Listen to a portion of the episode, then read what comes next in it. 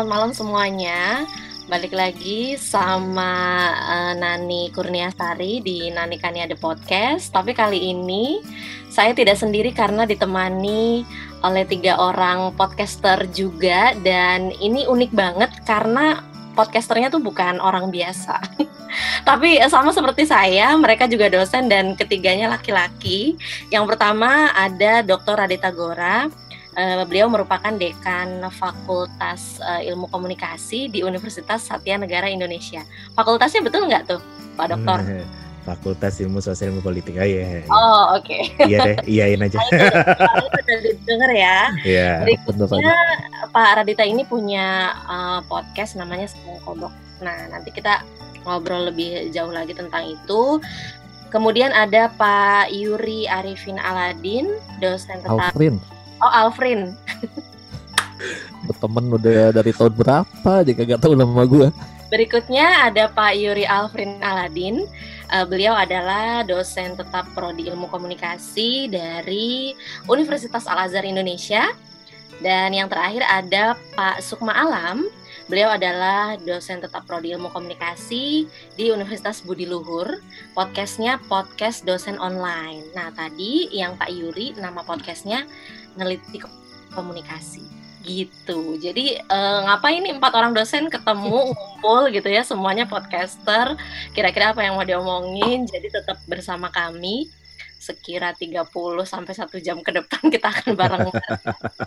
Sampai sampai sampai ketiduran ya bareng sampai ketiduran ngantuk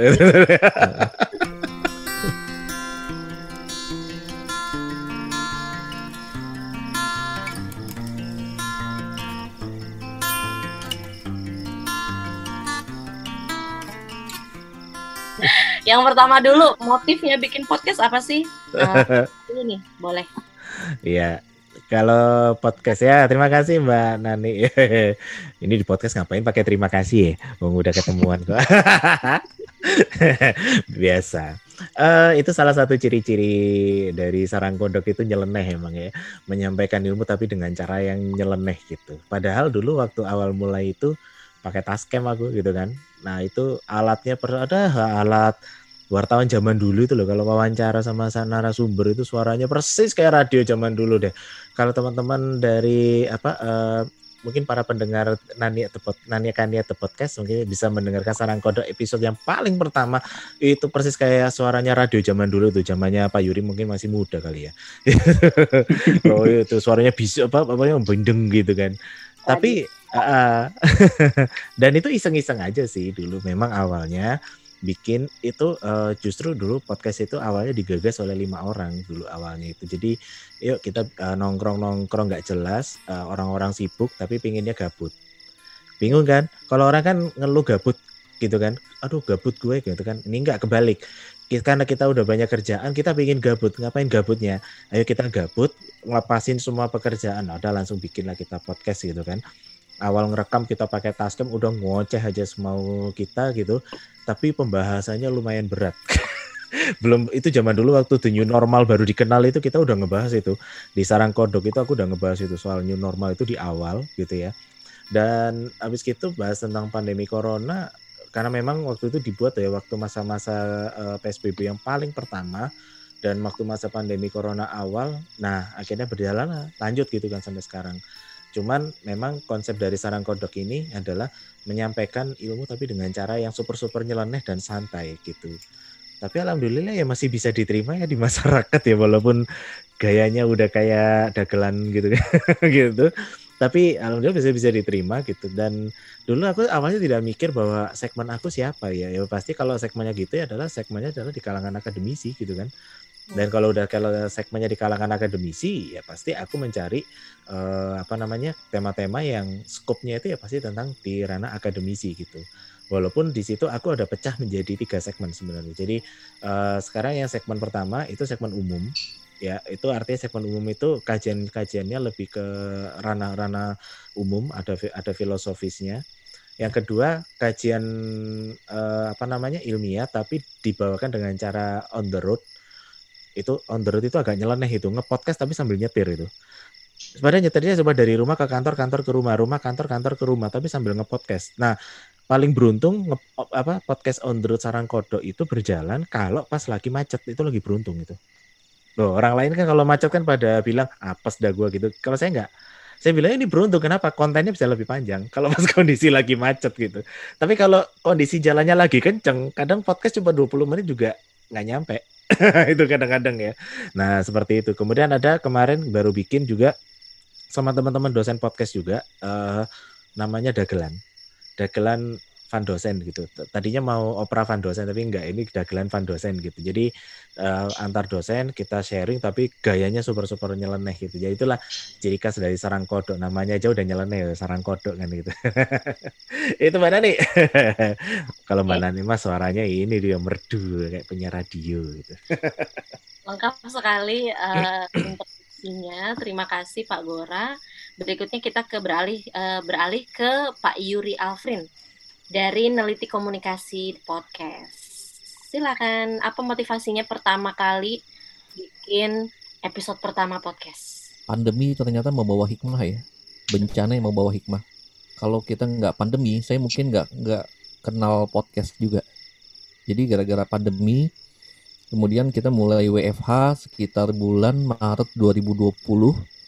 Lalu kaitannya adalah saya kan harus ngajar dari rumah kemudian uh, dengan metode sinkronus ketemu langsung dengan eh apa namanya uh, interaksi dengan mahasiswa tapi via online saya menggunakan Zoom sama Google Meet. Cuma ada masalah nih Mbak Nani. Masalahnya itu ketika saya pakai Google atau apa uh, Google Meet atau Zoom, mahasiswa itu ngeluh karena kuota, masalah kuota. Kuotanya tuh mereka cepat habis katanya. Jadi mereka harus hemat-hemat kamera dimatiin. Kadang-kadang kok banyak banget alasannya wah pak saya uh, kuota saya habis pak saya nggak bisa ikut mohon maaf pak bla bla bla gitu ya. Akhirnya saya seling kemudian sinkronus dengan metode asinkronus. Asinkronus kan kita cuma kirim ke LMS Learning Management System. Kita kirim materi-materinya silahkan mereka kemudian nanti uh, upload gitu ya. mereka download atau mereka baca. Nah uh, mulai itu saya belajar lagi yang namanya uh, bikin itu, bikin video YouTube dengan menggunakan aplikasi OBS dan aplikasi Office Mix. Jadi belajar lagi gitu. Bagus juga. Bikinlah kemudian materi-materi uh, perkuliahan menggunakan itu, menggunakan Office Mix dan uh, eh, OBS. Saya kemudian saya upload ke YouTube, lalu linknya dikasih ke uh, apa uh, LMS, ditaruh di LMS. Mahasiswa mempelajari Nah, saya cari, saya lihat di analitik yang jadi masalah gitu ya. Um, kalau misalnya saya kasih ke satu kelas, satu kelas saya ada 30 orang, itu linknya saya kasih, saya taruh di LMS kelas tersebut gitu. Kelihatan yang nonton ya cuma 30 orang itu gitu. Dan nontonnya juga kelihatan nggak penuh, di skip. Saya tanya sama mahasiswa, kenapa kok e, nontonnya cuma satu kali doang gitu. Udah gitu juga nggak penuh. Alasannya sama, karena masalah kuota pak. Kan yang ngajar online itu bukan cuma saya doang ada dosen-dosen yang lain juga banyak yang ngajarnya kan via via itu ya pakai zoom dan sebagainya. Jadi mereka harus menghemat juga. Jadi ada masalah lagi gitu pakai YouTube pun ternyata sama makan kuota juga. Satu jam 100 MB gitu. Nah mulai itu akhirnya kalau nggak salah kita Juli atau Agustus ya. Eh, antara Juli atau Agustus Siber Kreasi membuka kelas Siber Kreasinya Kominfo lalu saya ikut saya baru tahu juga nih ada Mas Gora belakangan sih baru tahu juga nah ini ternyata ikut juga gitu ya. Iya aku baru nah, tambah Nani itu baru, ini.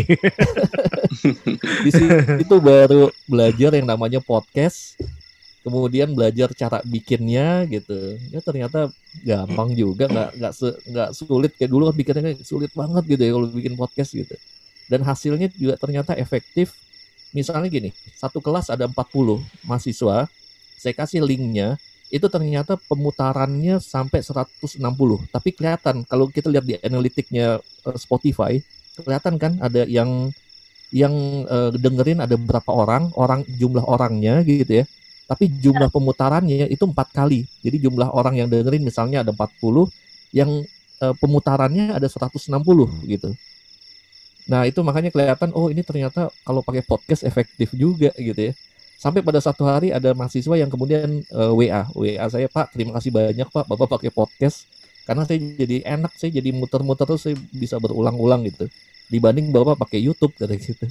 Jadi itu yang salah satunya yang memotivasi saya sampai sekarang saya jadi uh, sering membuat materi-materi kuliah ya pakai podcast karena ada sisi ada hal-hal yang saya anggap ini jauh lebih efektif gitu dibanding YouTube. Tapi ada bagian-bagian yang kadang-kadang saya tetap pakai YouTube juga. Kalau misalnya menjelaskan sesuatu yang dia memang mesti ada apa namanya gambar PPT-nya gitu mesti kelihatan gitu oleh si mahasiswa ya terpaksa harus pakai YouTube juga. Itu Mbak Nani. Oke, Pak Yuri. Jadi blessing in disguise ya. Si iya, bener bener. ini. Oh nggak pandemi saya nggak nggak sampai belajar media digital tuh saya nggak. Uh, kita jadi semakin kreatif. Awalnya terdesak, lama-lama uh, seneng gitu kan. Iya, iya betul. Berikutnya kita ke um, Pak Sukma Alam dengan podcast dosen online-nya dari Universitas Budi Luhur. Silakan. Motifnya apa sih awal mula bikin podcast sampai sekarang? Oke, terima kasih Mbak Nani. Uh, jadi sebenarnya itu kan kalau di Budi Luhur ya, di khususnya di Fakultas Ilmu Komunikasi itu di dalam satu semester dan di satu per mata kuliah itu setiap dosen memang diwajibkan untuk membuat konten minimal tiga kali itu. Nah terus saya itu uh, bikinlah konten pertama itu memang lewatnya ya lewat handphone, HP biasa gitu. Terus tiba-tiba saya uh, iseng-iseng buka tutorial YouTube gimana sih cara bikin podcast. Oh ternyata lewat HP bisa, lewat Anchor. Terus dilingkan lah ke Spotify. Nah terus uh, emang uh, di awal-awal itu saya bikin podcast itu materi semua isinya. Hmm. Terus saya lihat wah kayaknya lewat HP aja bagus nih suaranya. Lalu juga uh, backsound backsound ini bagus-bagus gitu terus uh, apa namanya oh ternyata lebih mudah ketimbang kita YouTube kalau YouTube kan agak ribet ya bikin videonya terus apalagi uh, kalau ada apa gambarnya itu nggak menarik nggak bagus ataupun juga nggak gelap atau cerah jadi uh, sulit juga kita ngedit. Tapi kalau video uh, kalau uh, podcast audio itu kan agak mudah gitu ngeditnya. Nah terus di situ. Lalu uh, mungkin juga ya pendengar saya itu kan mayoritas itu mahasiswa. Mayoritas sih memang keadaan di uh, Anchor dan Spotify itu pendengar saya itu umur 18 tahun sampai 22 tahun. Artinya memang itu uh, masih masih muda. Nah, saya lihat cek itu uh, apa namanya berapa sih pendengarnya di tentang materi dan tentang hiburan, terus tentang uh, informasi oh ternyata paling banyak hiburan gitu. Nah saya bikin aja podcastnya itu podcast dosen online. Jadi informasi uh, hiburan dan pendidikan. Nah di situ saya di jadi tiga komponen itu saya jadikan uh, materi apa namanya sebuah podcast tapi dengan gaya yang kekinian. Terus uh, dengan gaya yang santai ngobrolnya. Oh ternyata banyak yang komen gak hanya mahasiswa ternyata. Ada yang dari Sulawesi ada yang dari uh, Palembang, dari Lampung, bahkan langsung komen ke DM saya. Request untuk apa namanya kalau bisa itu ngepodcast itu harus ada YouTube-nya. Terus di situ juga apa namanya kalau ngepodcast itu kalau bisa juga uh, langsung ketemu. Kan selama ini kan saya memang pandemi ya. Ngepodcast itu lewat uh, Zoom ataupun Google Meet gitu oh artinya memang di ke depannya saya coba juga untuk ketemu langsung dengan protokol kesehatan gitu. Oh ternyata uh, lebih senang lagi uh, pendengar saya. Memang uh, kalau karena kan podcast ini kan berbeda ya dengan radio. Kalau podcast itu kan on demand, yang artinya memang sesuai dengan permintaan uh, konsumen ataupun pendengar. Jadi terkadang juga banyak yang request dengan mahasiswa. Nah, kalau memang misalnya kemarin tuh ada yang request Pak tolong Pak uh, podcast bareng si dosen A atau ngepodcast alumni si B. Nah, saya saya ngepodcast bareng tuh. Oh, ternyata banyak juga yang viewernya gitu. Jadi memang kalau ngepodcast kalau misal kalau menurut saya memang harus kita harus tahu dulu uh, segmen itu pengennya apa gitu. Yang kedua itu memang kalau di podcast itu kan bahasanya nggak boleh kaku-kaku ya. Karena kan di awal saya podcast tuh sangat kaku banget, akademisi banget gitu. Jadi memang nggak mau yang ya, mahasiswa cuman paling denger cuman ya satu menit sampai lima menit aja gitu. artinya memang harus ada selingan sih. Terkadang materi saya itu nggak monolog jadi ada materi misalnya kayak semacam um, etika di media sosial. Waktu itu kemarin saya collab sama Pak Yuri. Itu jadi saya jadiin materi Pak Yuri itu. Lalu saya bilang sama mahasiswa ini nih coba dengerin nih podcast ini. Saya ngobrol sama Pak Yuri gitu terus uh, mahasiswa itu malah seneng seperti itu oh ternyata tipikal gitu. Uh, sampai sekarang ini udah ratusan tuh Pak Yuri yang denger itu podcast saya sama Pak Yuri collab kemarin. Jadi kurang lebih seperti itu sih Mbak kalau podcast dosen online. Ya, terus juga dikit lagi narasumber saya itu memang nggak hanya dosen dan juga apa ya uh, mahasiswa tapi juga uh, karena di Budi Luhur itu khususnya Vkom ada empat konsentrasi ya kayak broadcast, PR, DKV dan iklan digital. Jadi saya uh, merunutkan empat konsentrasi itu juga. Jadi uh, agak relate dengan konsentrasi di mahasiswa saya di Vkom itu sendiri. Itu sih mbak kurang lebihnya jadi memang Pak Yuri dan Pak Sukma ini memfokuskan podcastnya tuh untuk media pembelajaran ya betul berbeda dengan saya yang punya podcast tuh sebetulnya awalnya sih karena memang itu tadi ikut siberkreasi di Juli oh, iya. siberkreasi jadi peserta batch pertama. Uh, Kemudian enggak. terakhir ikut master kelasnya juga ming, uh, setiap minggu gitu ya, udah empat minggu ini. Uh. Dan kayaknya udah selesai juga itu. Berarti kita sudah S2 ya? S2 sama, podcast. Kita, kita bertiga, sama. Gitu. Berarti gelarnya apa? MPCS, MPCS gitu ya? Magister Podcast.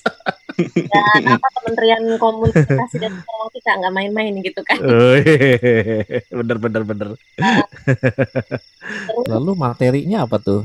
Uh, kalau isi materinya gini, karena memang di awal tuh saya motivasinya cuma mau berbagi ke lebih luas lagi orang. Contoh misalkan ketika saya uh, ngisi webinar kayak gitu, itu kan cuman audiens saya yang saat itu dengerin gitu kan, cuman segitu gitu. Sementara saya pikir sayang sekali kalau pengetahuan ini cuma didapat oleh orang-orang yang sedikit itu, misalkan beberapa puluh aja. Nah, terus rekamannya biasanya saya dikirimin sama panitianya gitu kalau saya jadi narsum. Ini rekamannya berupa videonya iya kemudian berupa audionya iya. Nah itu dari situ saya uh, download materi rekaman audionya terus saya langsung buka anchor saya edit di situ saya tambahin sound uh, back sound ya. Kemudian kalau ada yang perlu di cut atau diedit sana sini itu juga saya lakukan. Kayak gitu jadi uh, isinya tuh bukan materi pembelajaran sebetulnya. Tapi misalkan tentang satu konsep atau satu tema tertentu yang memang itu diminta oleh uh, panitia penyelenggara webinar, terus saya salah satu di situ bicara gitu, itu saya jadikan materi awalnya itu. Kemudian uh, berikutnya adalah Instagram. Saya cukup aktif di Instagram, sosial media Instagram. Jadi ada beberapa uh, narasumber saya yang tiba-tiba ngajak uh, ngajak ini ngajak kolaborasi. Kita IG live yuk. Terus saya mikir ah kok uh, orang sebesar beliau ngajak IG live sama saya? Gitu. Jadi sayang sekali nih kalau cuma di IG live doang gitu kan. Karena kalau IG live kan saat itu ya orang bisa komentar kayak gitu. Nah mungkin orang juga pengen dengerin sambil lalu nih. Nah, saya pikir kalau medianya auditif seperti podcast atau radio, itu keunggulannya justru eh, adalah bisa didengarkan sambil lalu gitu. Sambil lalunya tuh ngapain? Entah berkendara, entah mengerjakan pekerjaan rumah gitu kan, entah kita sambil ngapain gitu kan. Dan itu tidak bisa dilakukan kalau orang itu nonton TV atau nonton YouTube gitu. Nah, jadi saya pikir udah deh saya pernah ngomong sama uh, Pak Charles Bonar Sirait pakar public speaking hmm. kemudian saya juga pernah uh, eh, IG live sama uh, neurosurgeon Dr. Yu Hasan kalau bapak-bapak googling namanya pasti tahu beliau itu siapa iya. kemudian yeah. yang berikutnya adalah terakhir sih uh, itu kolega saya dia dosen IAI yang sekarang lagi S3 di Melbourne di uh, Victoria University Melbourne gitu ya. Nah udah tiga itu jadi saya olah aja audio gitu. Terus beberapa saya jadi pembicara di mana. Nah terakhir ada alumni yang memang ngajakin saya gitu. Hmm. Ibu kapan ngomong sama saya? Saya bilang loh, emang kamu mau ngomong apa? saya saya tuh penikmat drakor loh bu sekarang drakor lagi happening semua orang nontonin drakor gitu uh, orang yang tadinya nggak pernah nonton uh, drama Korea gara-gara pandemi gitu kan jadi cari hiburan di rumah yuk ngomong sama saya dia bilang gitu. Oh ayo. Nah dari obrolan di IG live terus uh, materi-materi seminar kemudian yang memang sengaja dia pengen ngomong di podcast saya baru itu. Makanya episode podcast saya tuh baru tujuh gitu belum banyak. Uh, tapi memang uh, pendengarnya lumayan sih. Saya pikir untuk satu episode yang panjang gitu ya hmm. sejam lebih 45 menit 50 sekian menit itu lumayan juga gitu ternyata ini kalau dikasih uh, kesempatan lebih misalkan saya seriusin nih fokus misalkan dalam seminggu saya punya konten apa uh, itu juga lebih baik lagi sih gitu. Cuma sejauh ini belum belum serutin bapak-bapak yang tiga ini yang memang sudah meniatkan podcastnya untuk salah satunya adalah media pembelajaran. Gitu. Saya terinspirasi juga uh -huh. tadi yang diomongin sama Pak Sukma soal uh, podcast ini kan memang on demand ya saya jadi kepikiran untuk bikin polling kecil-kecilan di Instagram. Kalian lagi pengen dengerin podcast apa? Uh, kayak gitu. Terus uh, nanti jawaban dari mereka itu saya list gitu mana yang prioritas yang mau saya bikin gitu.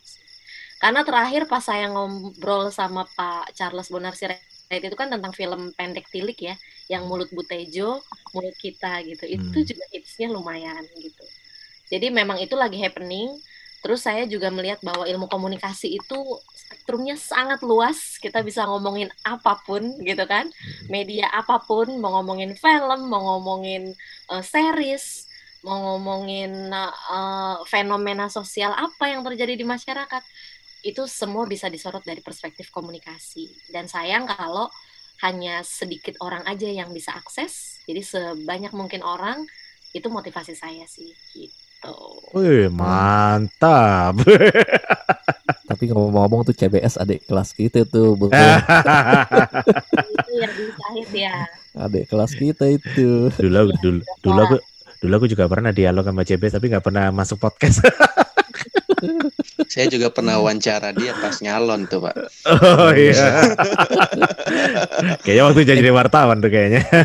gantian gantian sekarang aku yang mau nanya ya ke kalian ya. Kalau tadi kan uh, okay. sekarang aku gantian ya, nanya yeah, satu-satu. Yeah. Oke, okay, uh, eh, pertanyaan aku gini, sederhana aja. Uh, dimulai dari Pak siapa dulu? Pak Gora dulu ya. Yes. Uh, Oke, okay, pertanyaan aku ini adalah eh, bagaimana tanggapan dari teman-teman kolega kalian di kampus ketika mereka tahu kalian mulai berpodcast? Karena aku juga mempunyai pengalaman-pengalaman yang menarik juga gitu. Oke, dari Pak Gora dulu ketika teman-teman semua kaprodinya, teman-teman anak buahnya pada tahu, wah ini Pak Gora nih mulai berpodcast. Anggapannya gimana nih? Sempat dapat tanggapan negatif sih enggak. Cuman anggapannya adalah ntar lu uh, kebanyakan ngepodcast lu nggak ngurusi masalah dekan kan gitu kan. Ya enggak lah aku bilang gitu kan. Podcast itu kan nggak nggak apa ya nggak ada nilai pakemnya nggak ada strukturnya gitu kan. Jadi ya kalau mengganggu pekerjaan sih enggak gitu. Apalagi itu kan bisa di tadi kata mbak Nani kan benar mau dilakuin kapan pun sambil nyetir aja saya aku bisa ngepodcast gitu. Tapi kalau ngepodcast di kantor sih enggak aku enggak Enggak, itu karena gangguannya banyak juga. Jadi kalau ngepodcast biasanya di rumah atau di mobil, paling sering sih di mobil sih. Gitu kan pakai clip on gitu biasanya. Kalau sekarang pakai clip on gitu. Kalau di rumah uh, pakai biasanya pakai mic kayak gini kan. Hmm. Tapi kalau uh, apa ya? Justru kemarin ada dosen yang di kampus aku itu justru dia ngajakin untuk ini apa kayak kolaborasi interface gitu kan. Uh, tatap muka gitu kan. Tatap muka dan itu itu pengalaman paling paling ini ya kalau aku uh, saya boleh bilang itu paling apa ya interface yang paling luar biasa capeknya. Jadi apa bawa bawa, bawa peralatan sendiri gitu ya. Karena kepingin op, uh, yang Edison yang setelahnya yang sebelumnya oh, ada lagi. ya. nah yang sebelumnya itu sama ada podcast itu namanya Kamar Ariana itu. Itu juga sama itu kumpulan dosen podcast juga. Uh, mereka juga dari BSI gitu ya. Nah kita kolaborasi uh, aku bawa peralatan tuh lengkap kan supaya hmm. totalitas lah intinya kan gitu kan. Totalitas. Waduh luar biasa. Setting setting peralatan itu makan waktu banget bisa sampai 20 menit sendiri itu setting alat itu ya. Dan itu baru uh, apa namanya kita take uh, untuk dua episode gitu. Uh, baru satu satu episode doang yang baru tayang gitu. Nanti satu episode masih diedit gitu kan. Nah setelah itu uh, apa namanya? Kemarin sama Pak Edison Pak Dr. Edison dari Universitas Bung Karno setting lagi lah kita di situ kan setting alat lagi di situ. Nah setting alat di situ kemudian wah mulai dong ngobrol gitu. Tapi kendalanya adalah dua kali interface ini uh, ruangannya ini paling menggema. Itu wah itu kalau yang ikut sih berkreasi pasti tahu lah ruang menggema itu kan paling apa ya noise-nya paling tinggi gitu ya. Uh, apa karena ruangannya kosong apa nggak ada peredamannya sehingga suaranya ya udah ke mana-mana bahkan suara dari luar pun ketangkap gitu apalagi aku sendiri pakai kondenser ya kondenser ini kan daya tangkapnya kan ke mana-mana kan kalau dinamik beda ya. Kalau dinamik kan dia fokus gitu. Ini kan enggak. Ini daya tangkapnya ke mana-mana gitu. Dan sempat uh, apa namanya hujan deras itu sempat wah duh luar biasa noise-nya itu luar biasa. Akhirnya terus sempat uh, ngepodcast di Universitas Bung Karno itu ke pending sampai satu jam setengah. Tadinya udah mau tik. Begitu hujan deras kita kita pending dulu satu jam setengah. Ya suka duka lah itu kalau kita interface. Nah sebelumnya sempat di ini apa uh, sempat di kalau di hotel sih masih enak ya masih meredam ya suaranya di hotel wah yang gitu lah. Ada lanjut, ada lanjut. ada mbak Nani nggak enak aku. Sebelumnya di uh, apa apa kalau di hotel sih gak ada masalah itu. Termasuk sama kemarin sama Pak Alex Obur itu is okay. Suaranya masih meredam gitu ya. Tapi setelah itu sempat di golf itu kan. Daerah Senayan itu yang golf itu. Uh, apa namanya uh, apa ya klub klub golf itu ya. Ruangannya itu bagus. Memang itu ruangan VIP tapi wah gemah banget suaranya bahkan di luar pun ada apa namanya orang motong apa mesin mesin pemotong rumput otomatis itu bu, bunyinya aja masuk gitu kan. Ya ekstra banget ya PR banget itu kalau kita ngedit itu. Makanya kemarin diajak sama teman dari kampus itu saya sama teman kampus justru diajak gitu kan untuk apa namanya kolaps gitu kan. Secara interface itu justru mereka mengajak. Dan kampus sendiri itu juga ada radio ya, ada radio kampus. Justru uh, apa namanya kita kolaborasi radio kampus dengan uh, podcast ini Sarang Kodok. Ini kita kolaborasi bahkan kita mengcreate satu podcast baru. Karena aku bilang bahwa uh, Sarang Kodok itu punya punya maaf uh, punya personal gitu. Sebenarnya itu kan punya aku gitu ya. Tapi uh, supaya kampus punya podcast sendiri ya kampus punya podcast sendiri ya udah kita dirikan sendiri aja. Gitu ya justru malah aku diajak kolaborasi kalau sama pihak kampus gitu. Jadi, dari awalnya malah ada uh, apa ya eh, kata-kata usil ini kok malah kerjanya malah nge-podcast tapi lama-lama pada akhirnya ya, justru uh, kolaborasi. Iya, kolaborasi ya, akhirnya. Berakhir ya. manis. Manis. Oke, okay, sip. Masuk malam. Iya. Yeah. Cerita gimana nih? Uh, teman-teman kolega di kampus ini ngelihat masuk malam oh podcast mulu gitu. Ada yang ada yang usil juga nggak kira-kira? Sebenarnya uh, saya sih alhamdulillah ya uh, bersyukur hmm. juga sih. Karena uh, tanggapan dari dosen tuh positif nggak hanya dosen tapi mahasiswa itu juga positif. Uh, lalu bahkan ya itu beberapa dosen itu minta minta ngepodcast di podcast saya buat materinya dia gitu terus sama buat bimbingannya dia. Jadi kita bahas ada saya pernah uh, pernah ngepodcast bareng Ibu Indah Suryawati MSI calon dokter di Sahid juga. Terus dia apa namanya mau ngepodcast dong apa bahas tentang metode gitu. Saya pengen ngasih ke mahasiswa uh, hasil podcastnya ini ya udah kita collab lah kurang lebih sejam terus saya pecah gitu yang satu bahas metode penelitian, yang satu bahas jurnalisme. Oh ternyata banyak juga yang dengerin gitu. Ya itu dari masih dari dosennya. Terus juga ada juga dosen juga uh, ngajak juga collab. Tapi kalau emang kendalanya kalau collab itu kalau kita bertemu langsung uh, memang problemnya hampir sama kayak Pak Gora tadi, nggak noise-nya.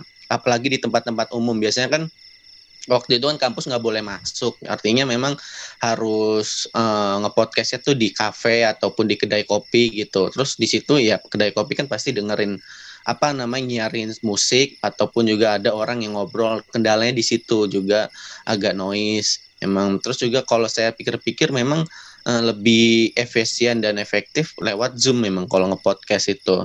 Karena selain uh, tidak memakan uh, waktu dan tempat, lalu juga ngeditnya juga simple, cuman kita uh, fokusnya di audio. Itu alhamdulillah sih sejauh ini masih positif. Terus kalau mahasiswa itu memang permintaan paling banyak itu mahasiswa. Apalagi kan mahasiswa itu uh, pengennya itu bahas-bahas seputar kebiasaan-kebiasaan dosen yang nggak diketahui oleh uh, mahasiswa itu lebih seneng itu biasanya. Misalkan waktu itu Gosip. saya pernah call. ya itu salah satunya sih sebenarnya. Misalnya saya waktu itu podcast bareng ada dosen tuh cantik jadi idola semua mahasiswa. Oh ternyata lebih banyak lagi yang dengerin itu. Ternyata tuh sampai di instastorynya itu dibikin kutipan-kutipan gitu. Hmm uh, itu terus juga ada lagi yang pengen nge-podcast bareng mahasiswa mahasiswanya itu memang aktivis di kampus uh, karena memang dia doyan demo terus dia juga senang untuk memobilisasi masa kenapa nggak saya nge-podcast bareng aja nih gitu oh ternyata rame juga yang ngedengerin hmm, ya itulah ya apa namanya pro kontra pasti ada itu ya dari yeah uh, kebiasaan dosen hmm. terus ke hmm. mahasiswa itu senang namanya hmm. mengkritisi uh, mengkritisi tanda kutip yang mengkritisi itu uh, terus juga ngobrol-ngobrol santai uh, karena saya lihat memang mahasiswa itu kecenderungannya lebih senang bahasa-bahasa yang non formal bahasa-bahasa kesehariannya dibandingkan kalau bahasa-bahasa kita akademisi uh, agak sulit nangkepnya. Tapi kalau bahasa yang uh, tadi Pak Gora bilang katanya nyeleneh ataupun bahasa yang memang bahasa bahasa yang relate dengan mereka, dia lebih nangkep gitu. Saya melihat memang uh, mahasiswa itu kan setiap harinya itu menggunakan media sosial ya. Apalagi kalau kita ngebahasnya tentang yang viral-viral, itu udah pasti nangkep dia. Mereka itu udah lebih paham daripada kita gitu misalnya kayak contohnya kayak kemarin itu masalah kayak Ade Londok itu di mereka udah tahu gitu duluan ketimbang kita gitu terus masalah yang kemarin itu yang viral gara-gara yang cewek yang cadel Denis Careta saya lupa deh sorry hmm. kalau salah yang Miss Cadel itu gak yeah. viral uh, gara-gara dia memamerkan kekayaan dan sebagainya nah jadi dia lebih lebih ngerti seperti itu. Jadi uh, pembahasannya terkadang saya selipin di situ yang hal viral.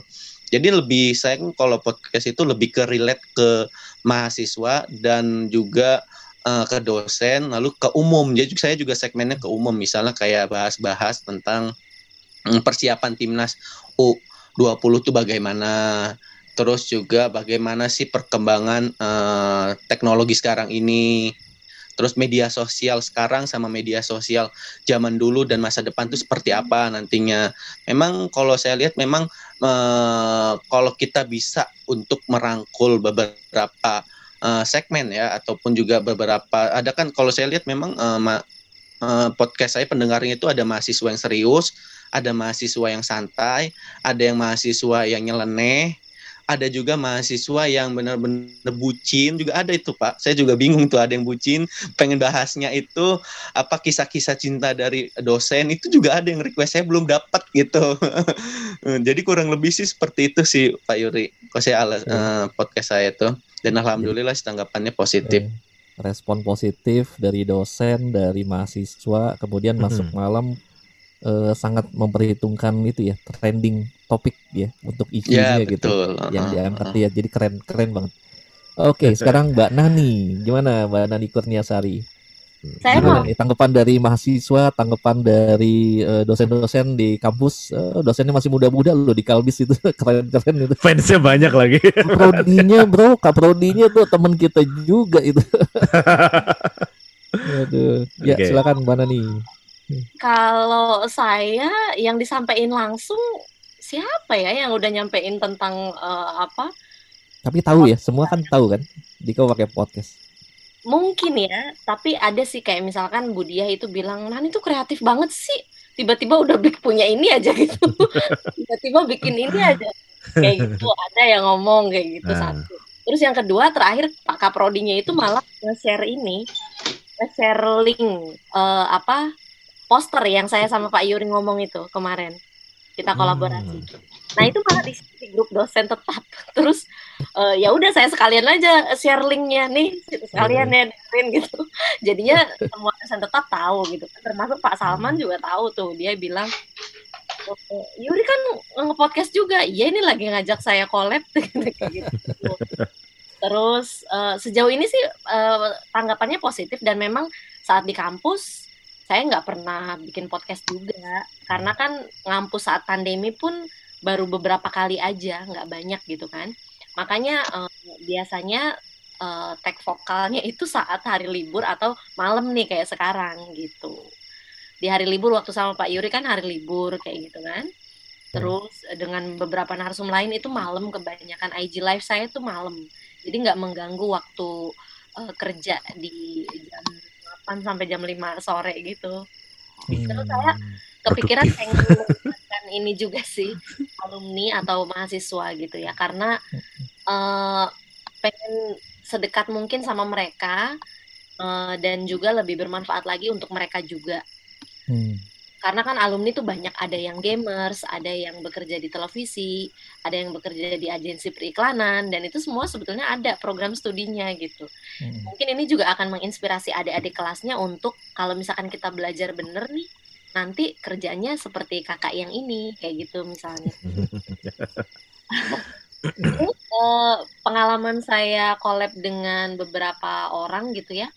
Kalau sama mahasiswa tuh emang seru banget kita bisa ketawa ngakak sengakak-ngakaknya gitu.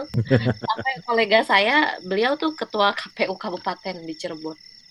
Hmm. Itu dengerin episode yang kayak drama yang saya ngobrol sama alumni, itu dia menikmati sekali katanya. Ini sebetulnya anak muda sekali bahasanya, tapi saya senang aja dengernya gitu. Kayak gitu. Terus ada juga mahasiswi, dia alumni juga. Uh, dia tuh dengerin podcast saya, terus dia share di instastorynya dia dia promote gitu loh bahwa podcast saya tuh menarik untuk disimak kayak gitu. Dia jadi nostalgia lagi belajar tentang teori lagi kayak gitu. Terus juga kalau Bu Nani udah ngomong tuh nggak cuma ngomongin pelajaran sebetulnya itu juga ngajarin hidup kayak gitu-gitu. Saya sampai ah masa iya? Tapi ternyata feedbacknya sejauh itu gitu. Terus uh, itu kan jadi tolok ukur yang baik ya bahwa ketika orang suka sama uh, konten kita biasanya dia udah suka doang gitu. Tapi kalau dia sampai share, itu artinya keberhasilannya uh, lebih lanjut tuh gitu bahwa dia menjamin bahwa konten ini tuh bagus. Jadi kalian semua yang bukan misalkan bukan follower saya di uh, sosial media, tapi followernya dia, ini worth it loh kalau didengerin gitu. Hmm. Hmm. Nah kayak gitu sih yang saya nggak nyangka gitu ya. Awalnya cuman ya yang penting orang bisa denger, audiensnya bisa lebih luas, dapat sesuatu yang uh, saya pernah kasih kayak gitu di forum mana eh ternyata itu impactnya uh, di luar ekspektasi dan itu menyenangkan ya gitu. Saya pengen bikin lagi ya gitu jadinya. keren keren. Saya seru loh itu tadi. Kalau aku menanggapi ya dari Mbak Nani tadi itu uh, kita kolaborasi dengan beberapa sumber gitu ya. Bahkan alumni pun bisa kita ajak gitu. Kebetulan, iya kebetulan uh, di kampus aku juga ada alumni itu yang dia sudah di podcast itu bahkan dia pernah masuk kalau nggak salah pernah masuk di podcast uh, manajemen podcast masih juga itu kalau nggak salah gitu uh, dan sudah monetize kontrak kayak semacam kontrak dengan Spotify gitu ya. Hmm. Iya dia udah udah monetize. Aku aja belum monetize sampai sekarang gitu. Tapi sudah ada yang nawar gitu. Tapi aku belum siap. belum siap soalnya. Nah, nah Nah, dia udah monetize dengan Spotify, bahkan dia sudah mempromosikan Anchor dan Spotify yang itu bagian dari kontraknya gitu ya. Dan profesional banget gitu. Menanganinya itu profesional. Bahkan aku pun cukup uh, ketika di, pertama kali diajak kolaborasi dengan mereka pun di satu ada satu studio gitu ya. Itu wah ternyata luar biasa gitu ya. Anak-anak muda itu ternyata kalau mereka di kampus gitu ya kelihatannya biasa-biasa tapi begitu di luar profesionalitas mereka kelihatan gitu loh bahkan aku sempat belajar juga uh, cara memanage uh, mereka podcast terus berbarengan kompak gitu ya. Itu juga aku belajar dari belajar juga gitu dari para alumni gitu. Sampai akhirnya uh, oke okay lah oh, jadi sini jadi semangat kan kita untuk konsisten mengelola podcast itu seperti apa. Bahkan uh, narasumber pun kita juga apa namanya uh, kita coba nih cari narasumber yang baru-baru gitu. Contoh nih kayak kemarin aku sama Pak Yuri kita di Cipok, di Cipok ya Pak ya, Critical Podcast Komunikasi saja. Kita mengundang Alex Sobur aja itu sudah banyak yang menanyakan ke saya itu beneran Alex Sobur gitu. Kan yang nulis buku itu. Lah iya yang nulis buku lah emang mau siapa? Saya bilang gitu kan. Iya itu banyak yang denger karena mereka udah penasaran siapa sih Alex Sobur gitu. Itu aja udah udah menanyakan ke saya. Gitu udah ada udah udah apa ada beberapa yang menanyakan itu Alex Sobur yang bukunya itu pak yang bukunya semiotika komunikasi pak yang ini apa yang ini wah gitu ini aja Profesor Rajab aja sudah ada yang kemarin udah nanya-nanya itu pak gitu kan Iya. eh tadi Sama tadi juga di DM juga. Iya itu itu lu wawancara beneran Prof Rajab, lu kenal sama Prof Rajab ya kenal lah gue bilang gitu kan. Nah kalau nggak kenal ya nggak mungkin kita wawancara sama Prof Rajab kan gitu. Nah nah tapi ini ini ya, giliran aku bertanya nih ya Pak Yuri ya mau Siap. bertanya kepada tiga podcaster. Siap. Ntar kalau habis itu Pak Sukma yang bertanya. Ya, yang aku penasaran kalau pod- podcaster yang sudah di level-level profesional tuh ya kayak apa namanya do you see what I see lah atau box to box lah atau suarane dan lain Suara sebagainya. Kalau itu sih aku udah nggak nggak nggak apa ya istilahnya udah nggak ragu lah. Mereka cara take dan ngeditnya pun profesional gitu. Tapi justru di kalangan do- eh, dosen ini bagaimana sih teman-teman eh, apa ya take suara gitu ya? Apakah memang sebelumnya pakai mikrofon atau sebelumnya lagi pakai sebelum pakai mikrofon terus ngeditnya bagaimana? Aku mau cerita kalau pengalaman aku pertama kali itu kan pakai tas tascam gitu ya pakai tascam sehingga suaranya pun juga bindeng gitu kan pertama kali. Tapi lama-lama akhirnya jadi belajar juga oh ternyata melalui apa namanya melalui zoom itu ternyata juga bisa gitu kan. Eh, iya kan? Kalau melalui zoom itu ternyata juga bisa gitu. Untuk ngambil suara ternyata juga bisa bening. Dan awal mula aku nggak ngedit sama sekali tapi setelah belakangan gara-gara beli peralatan podcast yang satu set di situ di buku petunjuknya itu kita diminta untuk mendownload Audacity waktu itu. Akhirnya aku jadi belajar tuh Audacity lewat YouTube karena bukunya nggak ada buku tutorialnya nggak ada karena biasanya kebiasaan kan lewat buku tutorial ya. Buku tutorial itu kan punyanya Adobe Audition. Sementara waktu itu punya softwarenya adalah eh, open source model Audacity belajarnya di YouTube. Nah itu dan itu masih aku pakai sampai sekarang. Dan waktu pertama kali itu pakai Tascam, habis gitu sempat juga pakai hand apa headphone yang ada mic-nya. Terus barulah eh, lama-lama kayak jadi ngerti, oh jenis mikrofon itu kayak gini, kayak gini, kayak gini. Nah itu baru aku sampai sekarang akhirnya aku sudah paham eh, memilih jenis mikrofon itu seperti apa kira-kira. Nah ini sekarang mau tahu nih pengalaman dosen pertama kali eh, ngambil suara dan mengedit eh, audio itu kira-kira eh, seperti apa sih pengalaman pertamanya? Kita start dari siapa ya? Pak Sukma dulu deh. Ya. Gimana, Pak? oke, oke. Ah, Oke, mm.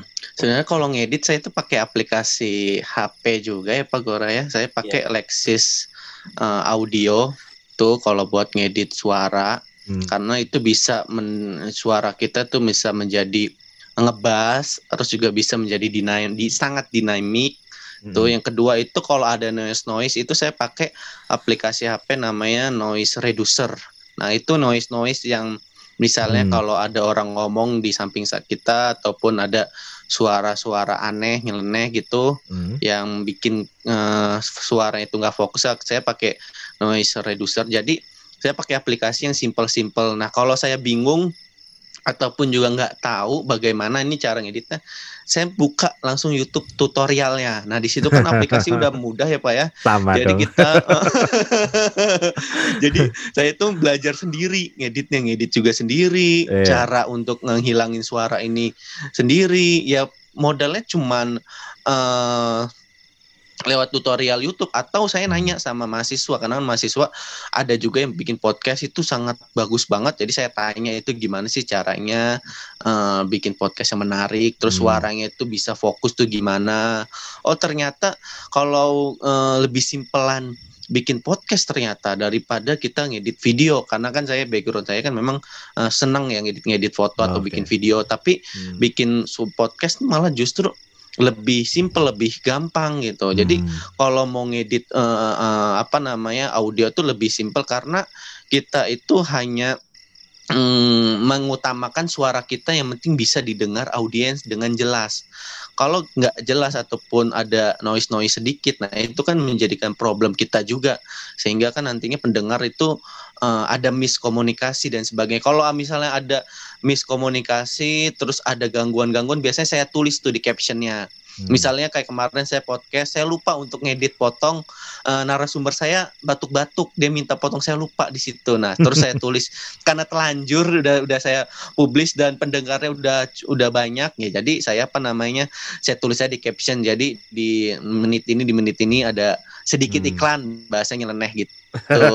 iklan. Jadi uh, dia ada sedikit iklan gitu. Padahal itu memang uh, harusnya diedit harusnya cuman saya lupa gitu.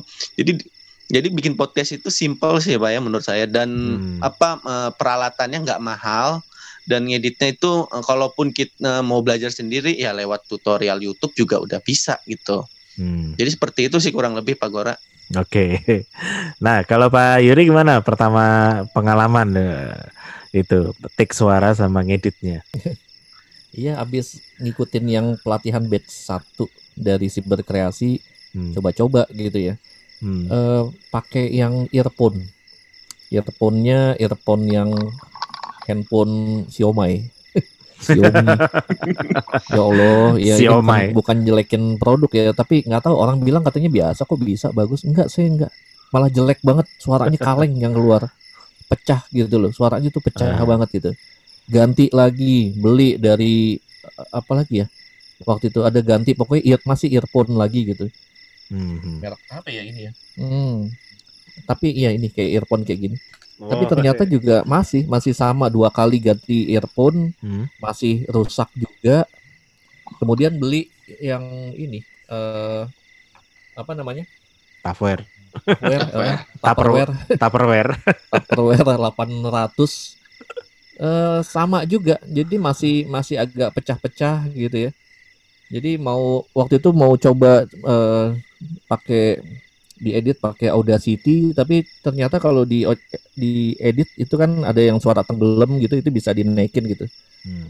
uh, tapi juga nggak terlalu bagus jadi kesimpulannya memang kalau di awal-awal sih is oke okay ya masih hmm. masih agak kacau tapi pada akhirnya ketika kita mau ningkatin kualitas memang mau nggak mau mesti beli barang juga gitu iya jadi benar. belilah ini Mbak Vivin mikrofon Vivin sama ini apa ya mereknya lupa Nah, harganya lima ratus ribuan, lima ratus Wah, itu invest ya. totalitas itu iya, investasi. Iya, nah, kalau misalnya tadi masuk malam banyak juga ya ngedit-ngedit gitu, pinter ngeditnya. Kalau saya jujur sebenarnya nggak terlalu suka Expert. mas ngedit. Jadi pernah misalnya gini, lagi ngambil lagi apa uh, bikin satu rekaman untuk materi pelajaran gitu kualitatif gitu ya ngajar kualitatif. Ketika lagi ketika lagi ngasih materi di rumah di Depok kan rumahku kan kemudian pintu dibuka. Itu uh, ada tukang sate padang lewat. Sate padang gitu masuk gitu kondensor. Jelas banget gitu pakai kondensor gini. Jelas itu pikir-pikir iya lu waduh gimana ini ya tapi uh, tadinya mau diedit gitu cuma pikir ah kayaknya lucu juga biarin aja gitu udah aku lepas aja sengaja emang nggak yeah. diedit ini sengaja hmm. dilepas dan tanggapan dari mahasiswa pada ketawa semua dan itu lucu gitu jadi mahasiswa bukan karena senang materinya tapi karena lucunya gitu. tapi diputar ulang gitu pak itu lucu pak di menit keberapa itu pas bapak ngomong ada tukang sate padang pas banget suaranya gitu. Oke. Okay. Mana nih gimana mana nih waktu awal? Ya awal karena memang nggak diniatin untuk bikin podcast. Uh, memang dari itu aja ya audio dari Zoom sedapatnya Zoom gitu. Hmm. Cuma memang saya pakai uh, MacBook Air sama uh, handsfree-nya juga dari iPhone 7. Itu hmm. udah baik-baik uh, aja sih menurut saya gitu. Cuman memang kalau mau lebih profesional lagi saya jadi terinspirasi nih untuk beli mikrofon sama uh, apa headphone yang lebih proper gitu sih buat ke depannya. Cuma nggak tahu ya apa bisa konsisten gitu bikinnya. Terus bisa. waktunya apa ada gitu. Kalau konsisten pasti bisa. Kan kita nggak kayak YouTube. Kalau YouTube kan kayaknya atributnya harus gimana gitu. Nah, kalau podcast sambil sarungan juga bisa nge-podcast. Nah, terkait ngedit, ngedit, uh, saya kan memang ngampu mata kuliah radio juga ya. Jadi pakai Audacity sudah lama sekali gitu. Terus uh, sekarang juga download Audacity, tapi sejauh ini nggak kepake karena uh, saya cukup pakai Anchor langsung edit di situ. Jadi hmm. saya belajar ngulik Anchor tuh bener-bener belajar sendiri, nggak nggak pakai lihat YouTube juga. Saya buka-buka aja gitu. Jadi Anchor tuh jauh lebih sederhana dari Audacity gitu. Oh iya. Kita mau, oh, kita mau ngedit audio se setepat apa itu sangat bisa. Tinggal kita zoom in aja ininya, uh, hmm. apa diagram audionya itu mau dilebarin selebar apa itu kan kita bisa bener-bener tepat gitu motongnya hmm. kayak gitu uh, jadi dalam uh, misalkan durasi satu jam terus saya mau buang bagian mana itu udah nggak perlu ini lagi nggak hmm. perlu audacity lagi di anchor langsung terus uh, setelah itu save semuanya Habis itu tambahin background dan pilihan backgroundnya banyak dan kita nggak perlu khawatir kena copyright karena memang itu open source ya. Yeah. Memang bawaannya Anchor gitu terus udah setelah publish bisa diakses di mana pun Spotify, Google Podcast dan beberapa masih banyak sebenarnya yang lain, cuman kurang familiar aja. Terus abis itu dinaikin di sosial media, terus udah langsung ada listenernya. Itu. Mantap. Mantap nih ini nih. Giliran masuk malam. Masuk maning mau nanya apa nih ke kita nih? Ya. Wah, ya, uh, saya dulu ya pengen kita. cerita ya.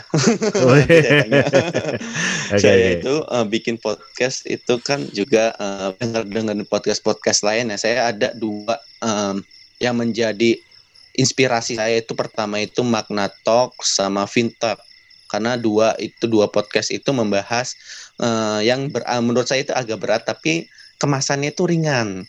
Nah, segmennya itu juga hmm, hampir mencakupi berbagai uh, elemen. Contohnya yang kayak bahasa-bahasa anak-anak zaman. Kalau kalau saya lihat ada anak komplek, ada anak gang. Misalnya seperti itulah bahasa-bahasanya itu bisa ditampung. Terus saya juga kalau di Fintok itu lebih serius, tapi seriusnya itu dia menghadirkan uh, apa namanya narasumbernya itu memang anak muda yang punya prestasi, yang punya juga uh, lain daripada yang lain gitu. Intinya itu. Nah, kalau menurut dari Mbak Nani terserah Pak Gora dan Pak Yuri, tapi saya pengen nanya ke Mbak Nani dulu ya, punya nggak sih inspirasi gitu uh, dan mau ngebuat podcast itu yang pertama. Yang kedua itu ada nggak sih keinginan pengen collab sama si A, si, si B, tapi kayak nggak mungkin gitu. Bisa disebutin nggak itu namanya siapa gitu? Mungkin nanti juga sama pertanyaannya Pak Yuri sama Pak Gora bisa nggak disebutin orangnya itu siapa pen collab? Ya siapa tahu aja kan nanti uh, peng apa yang ngedenger itu orangnya itu pengen collab langsung hubungin uh, Pak Gora atau Pak Yuri sama Bu Nani gitu. Oke, makasih. Langsung aja Mbak Nani. Oke, uh, saya sebetulnya nggak dengerin podcastnya sebetulnya ya, tapi saya melihat sosoknya, figur gitu. Jadi saya tuh ngefans banget sama yang namanya Yuval Noah Harari. Hmm. Bapak-bapak pastinya tahu dong. Tahu. Ya, Homo Deus kan? Ya, dia nulis Sapiens, kemudian Homo Deus sama 21 Lessons for 21st Century. Kayak gitu. Uh, jadi saya ikutin Instagramnya dia awalnya Terus dia itu banyak ngomong di mana pun gitu. Terakhir dia ngobrol sama uh, Bill Gates kayak gitu kan. Jadi dia ngomong di mana saya kejar gitu. Di Al Jazeera pernah, ya udah saya dengerin gitu. Terus dia ngomong lagi di uh, mana tuh yang yang punya acara kar karpur uh, apa kar kar karaoke itu loh yang terkenal banget itu. Oh. Nah.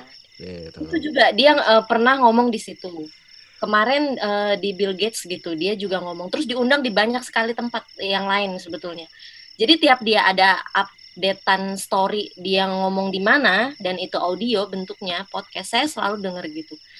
Kalau ngomongin kan memang gitu ya Pak Sukma bahwa mm. kalau nggak kalau nggak nakutin kita itu kurang kurang besar mimpinya gitu.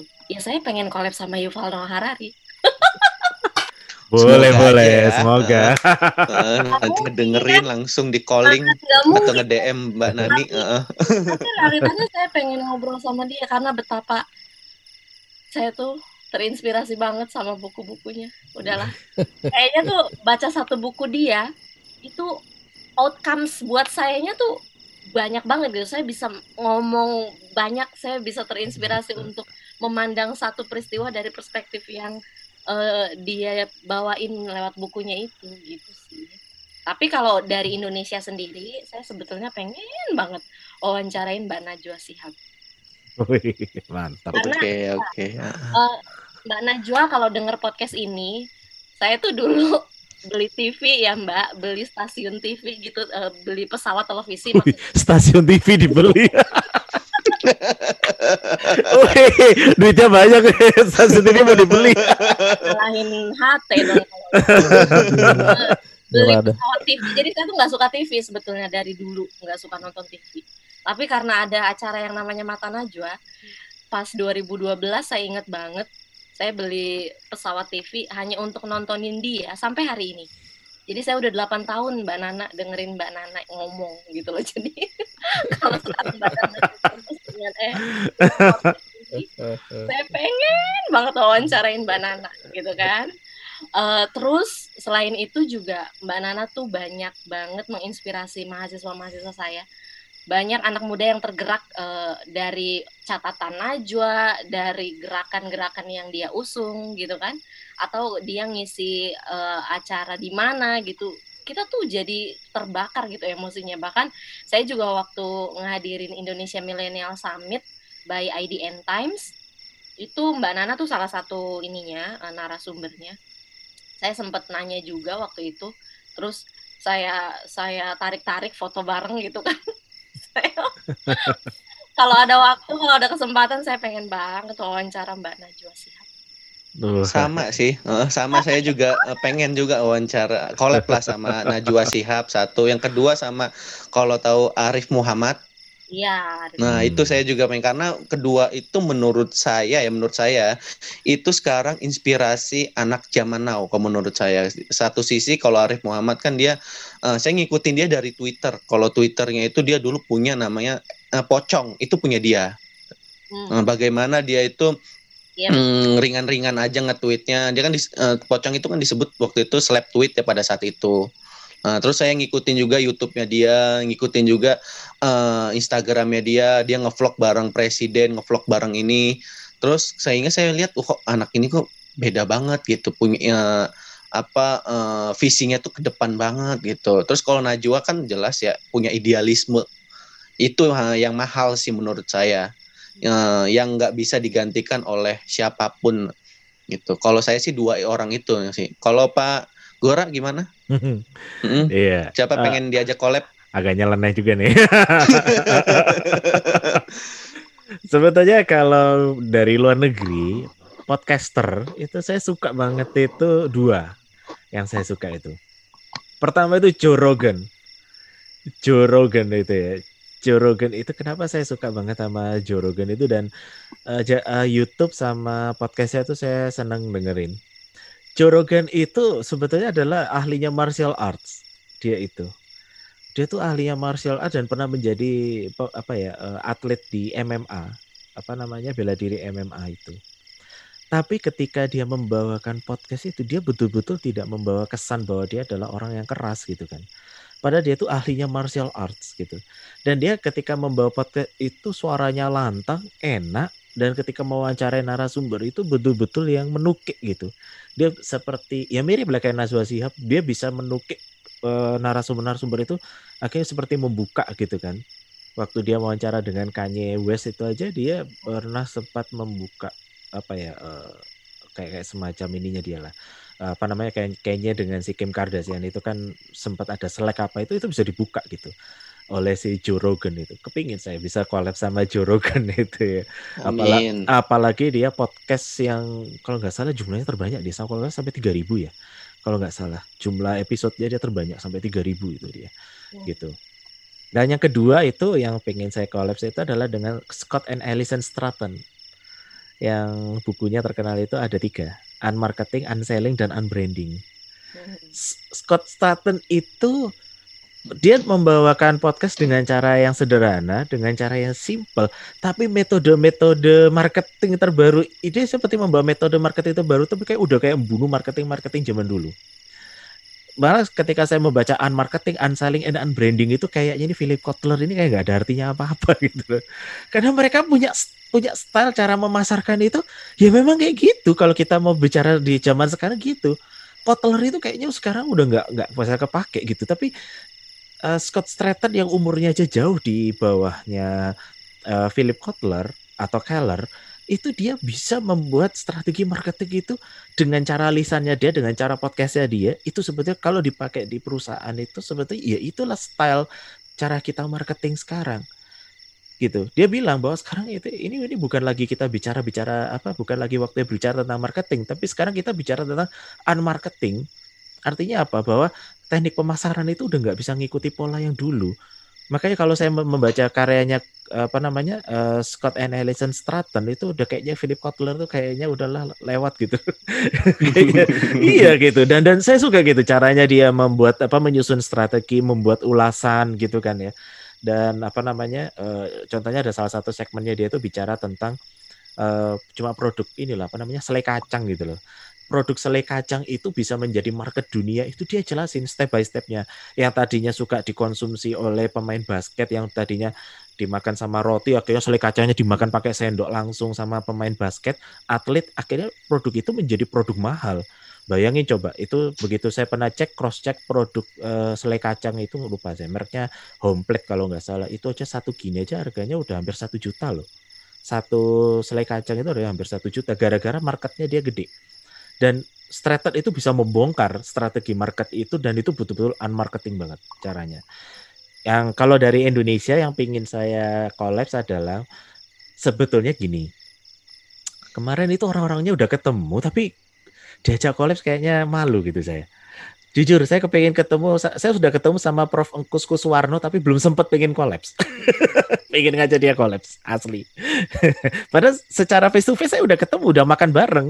Tapi mau ngajak dia kolaps, tapi rasanya gimana gitu ya. Profesor itu, pokoknya profesor-profesor komunikasi Indonesia itu pengen saya wawancara semua sebenarnya gitu kan. Padahal saya pernah ketemu sama profesor-profesor ini, cuman pengen kolaps gitu gimana caranya bingung juga gitu.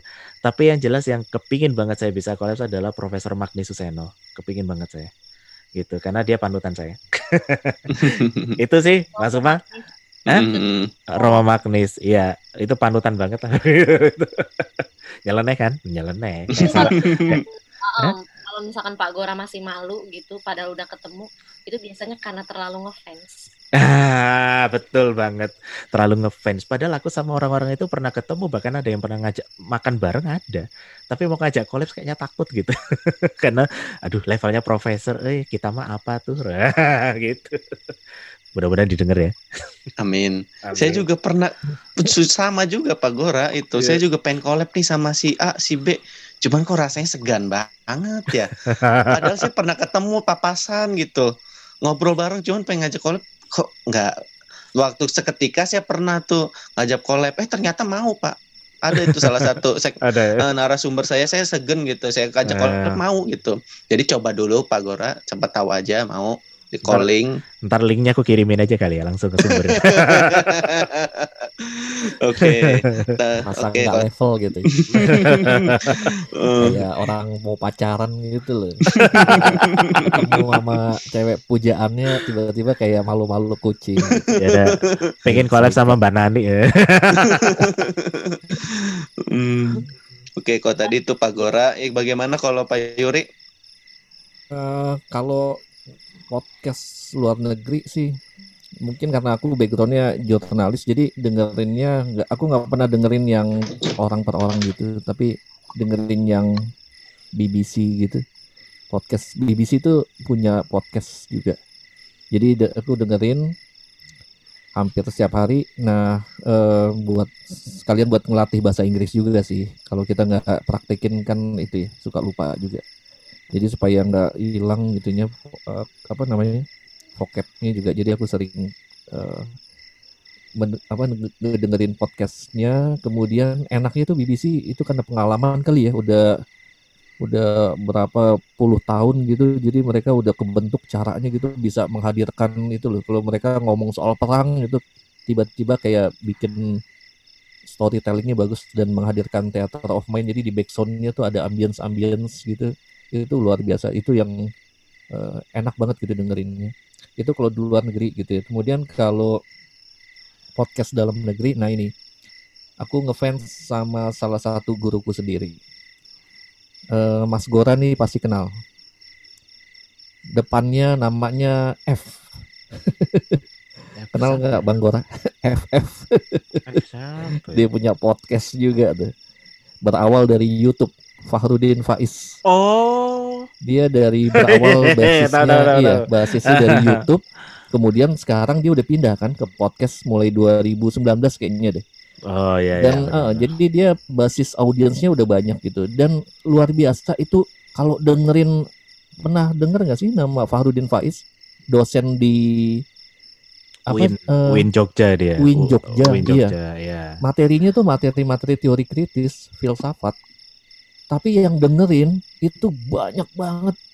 Udah udah satu juta lebih dan yang bikin saya aneh panjang durasinya tuh ya bisa sampai satu jam 20 menit satu jam 30 menit.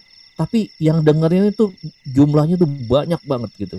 Dan itu luar biasa nggak banyak loh. Yang pertama ya podcast eh, dia kan basisnya dari YouTube dulu baru dia pindah ke podcast hmm. gitu gak banyak orang yang bisa bertahan dengan tema pendidikan. Tapi ternyata Fahrudin Faiz itu dia bisa bertahan dengan pendidikan dan itu bisa banyak banget orang yang jadi followernya ya. Kalau lihat di YouTube tuh banyak banget komennya juga panjang bisa diketik nanti. Nama YouTube-nya Ngaji Filsafat. Kalau di podcast dia pakai nama kalau saya nggak salah MJS gitu ya.